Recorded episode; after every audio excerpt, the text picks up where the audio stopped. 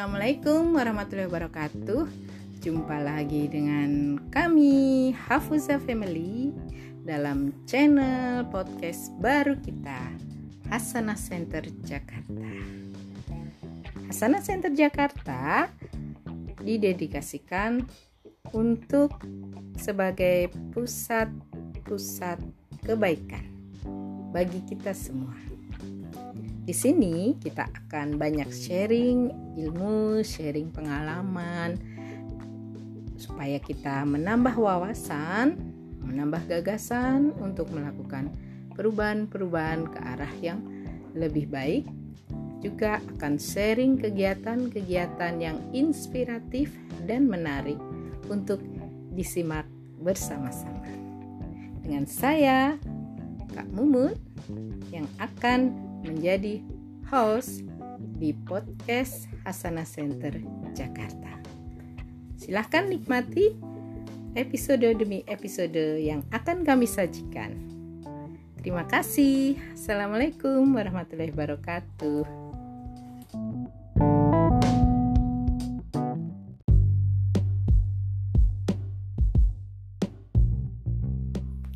Halo, Assalamualaikum warahmatullahi wabarakatuh.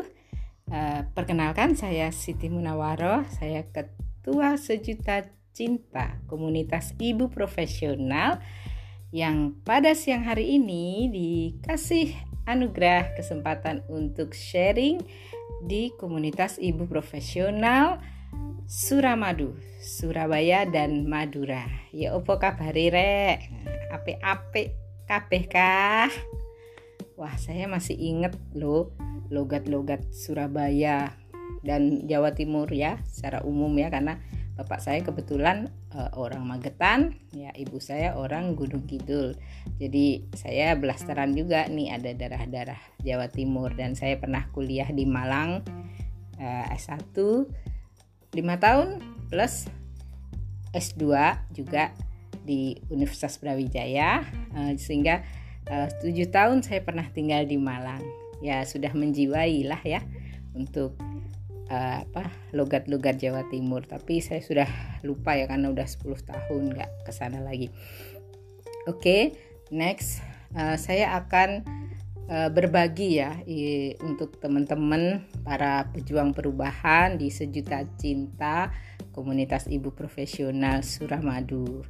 Saya yakin teman-teman di masa pandemi ini uh, agak kurang gairah ya karena e, di mana-mana memang kondisinya sekarang e, sedang lesu. Tapi sebenarnya apa pun kondisinya e, kita tidak boleh untuk turun semangat. Kita harus terus semangat untuk berbagi dan melayani ya. Nah, seperti value di komunitas IP saat ini yaitu apa? Belajar ya berkembang ya, berkarya, berbagi, berdampak. Sehingga kita bisa membuat perubahan meskipun itu kecil dari perubahan uh, diri sendiri ataupun perubahan di lingkungan terdekat kita. Nah, saya mau sharing tentang bagaimana uh, saya dulu bisa berbagi untuk orang lain di sekitar kehidupan kami ya. Bahwa ternyata banyak hal yang harus kita evaluasi ketika kita ingin berbagi yaitu uh, pada diri kita sendiri. Seperti tagline yang sering uh, Bu Septi ungkapkan for things to change I must change first. Jadi perubahan itu uh, tidak serta merta datang dengan sendirinya. Tapi ketika kita menginginkan banyak perubahan di lingkaran kehidupan kita kita menengok diri kita sendiri. Apakah kita sendiri sudah berubah? Jika kita belum jangan menuntut perubahan itu ada. Tapi kita mencoba bagaimana diri kita itu mampu berubah dengan 3M ya. Mulai dari yang kecil mulai dari yang sederhana mulai dari yang uh, terdekat dan mulai dari saat ini.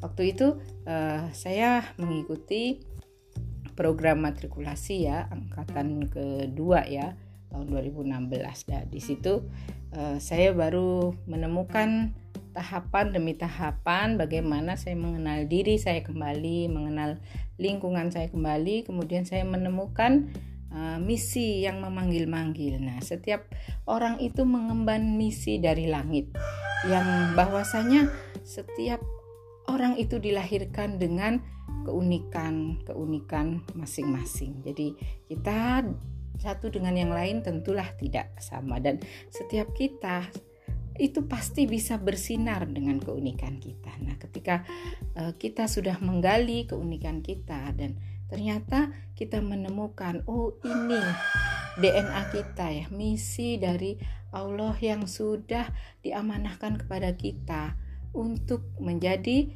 uh, rahmatan lil alamin. Karena tujuan penciptaan manusia adalah rahmatan lil alamin ya basiro wa nadiro yaitu menjadi penebar kebermanfaatan bagi alam semesta, menebar rahmat dan basiro wa nadiro kalau dalam bahasa Arab itu artinya memberi kabar pencerahan dan peringatan kepada sama manusia.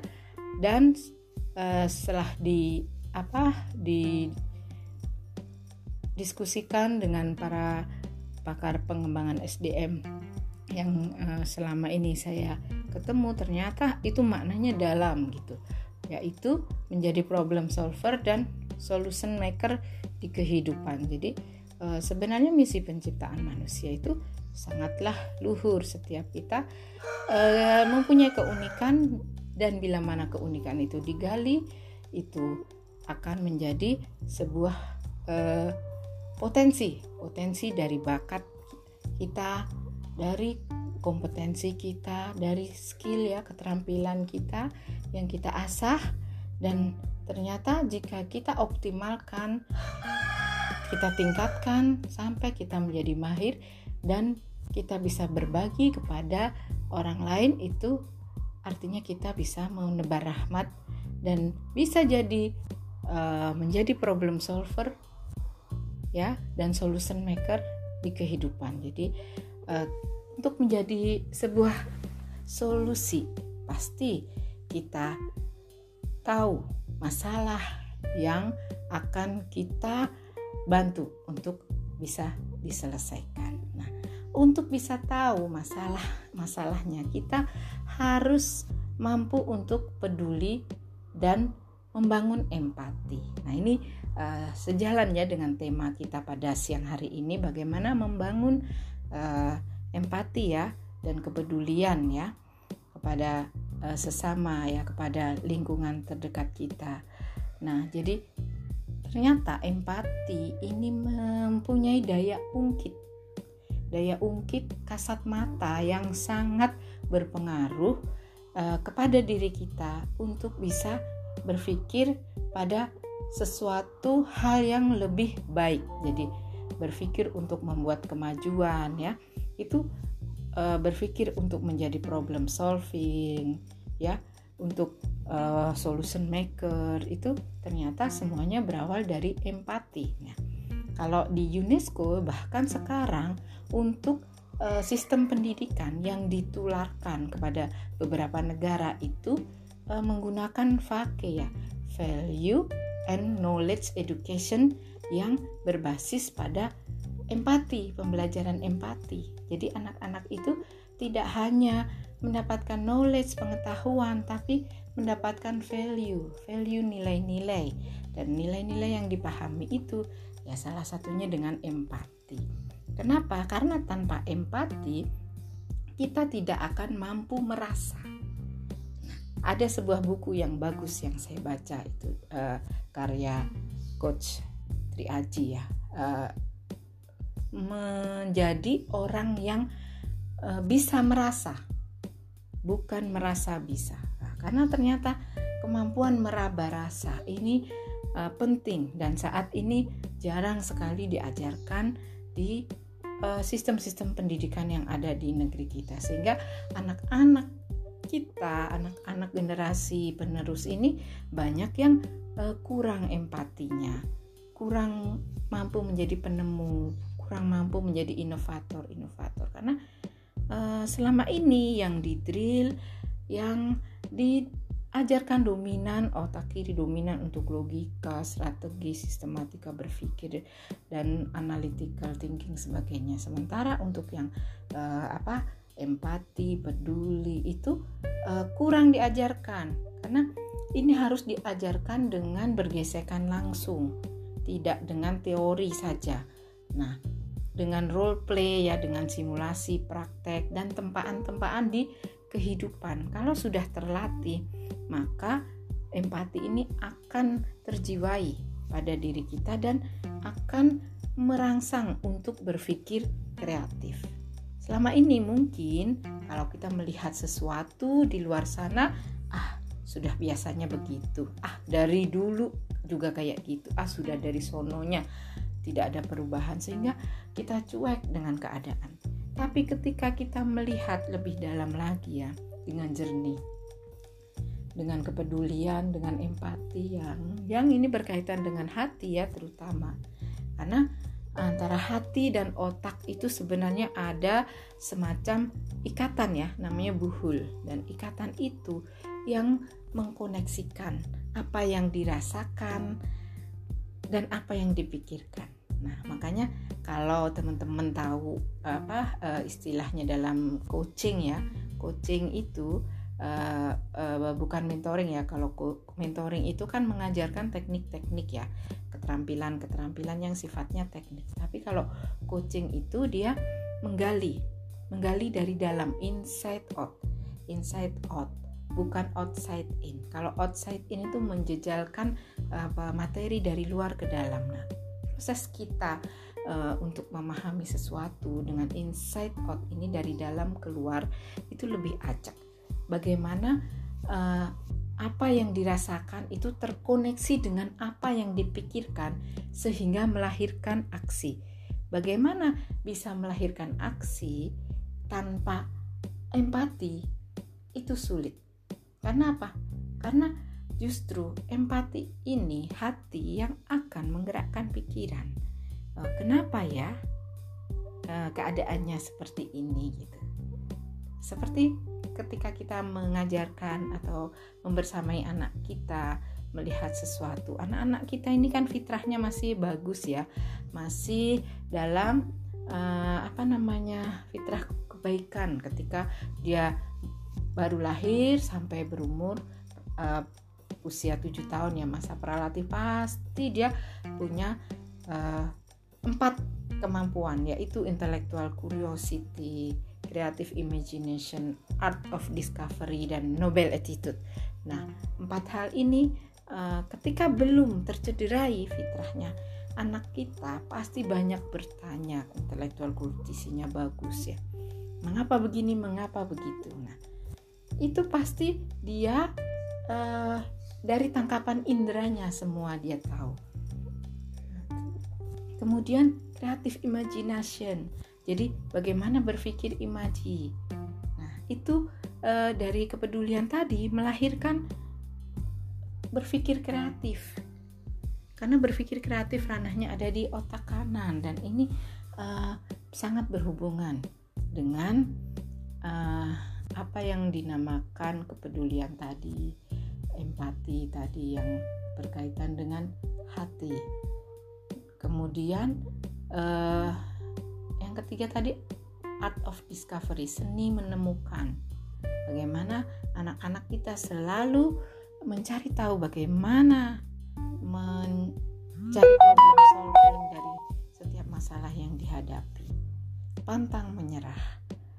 Mereka giat untuk uh, bertumbuh dan Nobel attitude adalah ya akhlak mulia dan uh, karena anak dilahirkan dalam keadaan fitrah fitrah itu artinya suci suci itu artinya baik uh, jadi artinya anak-anak kita ini sudah lahir dalam trek kebaikan. Jadi tugas kita tidak mengajarkan kebaikan saja tapi sebenarnya membersamai mereka untuk tetap dalam kebaikan sebagaimana fitrah yang sudah diinstal ketika mereka lahir. Nah, kadang-kadang karena keadaan ya, karena uh, lingkungan pembentuk dan uh, faktor nurtur ya.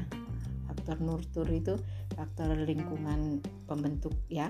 Kalau natur alamiah yang tadi empat fitrah itu uh, pasti baik karena itu dari Allah diinstalkan kepada manusia. Nah, nurtur lingkungan pembentuknya yang uh, berbeda-beda sehingga akhirnya banyak fitrah itu yang tergerus ya, tercederai bahkan tersimpangkan. Nah, ketika kita dewasa, kita sudah melalui banyak proses baca buku ya, pergaulan, pola asuh, lingkungan pembentuk di rumah, lingkungan pembentuk di sekolah.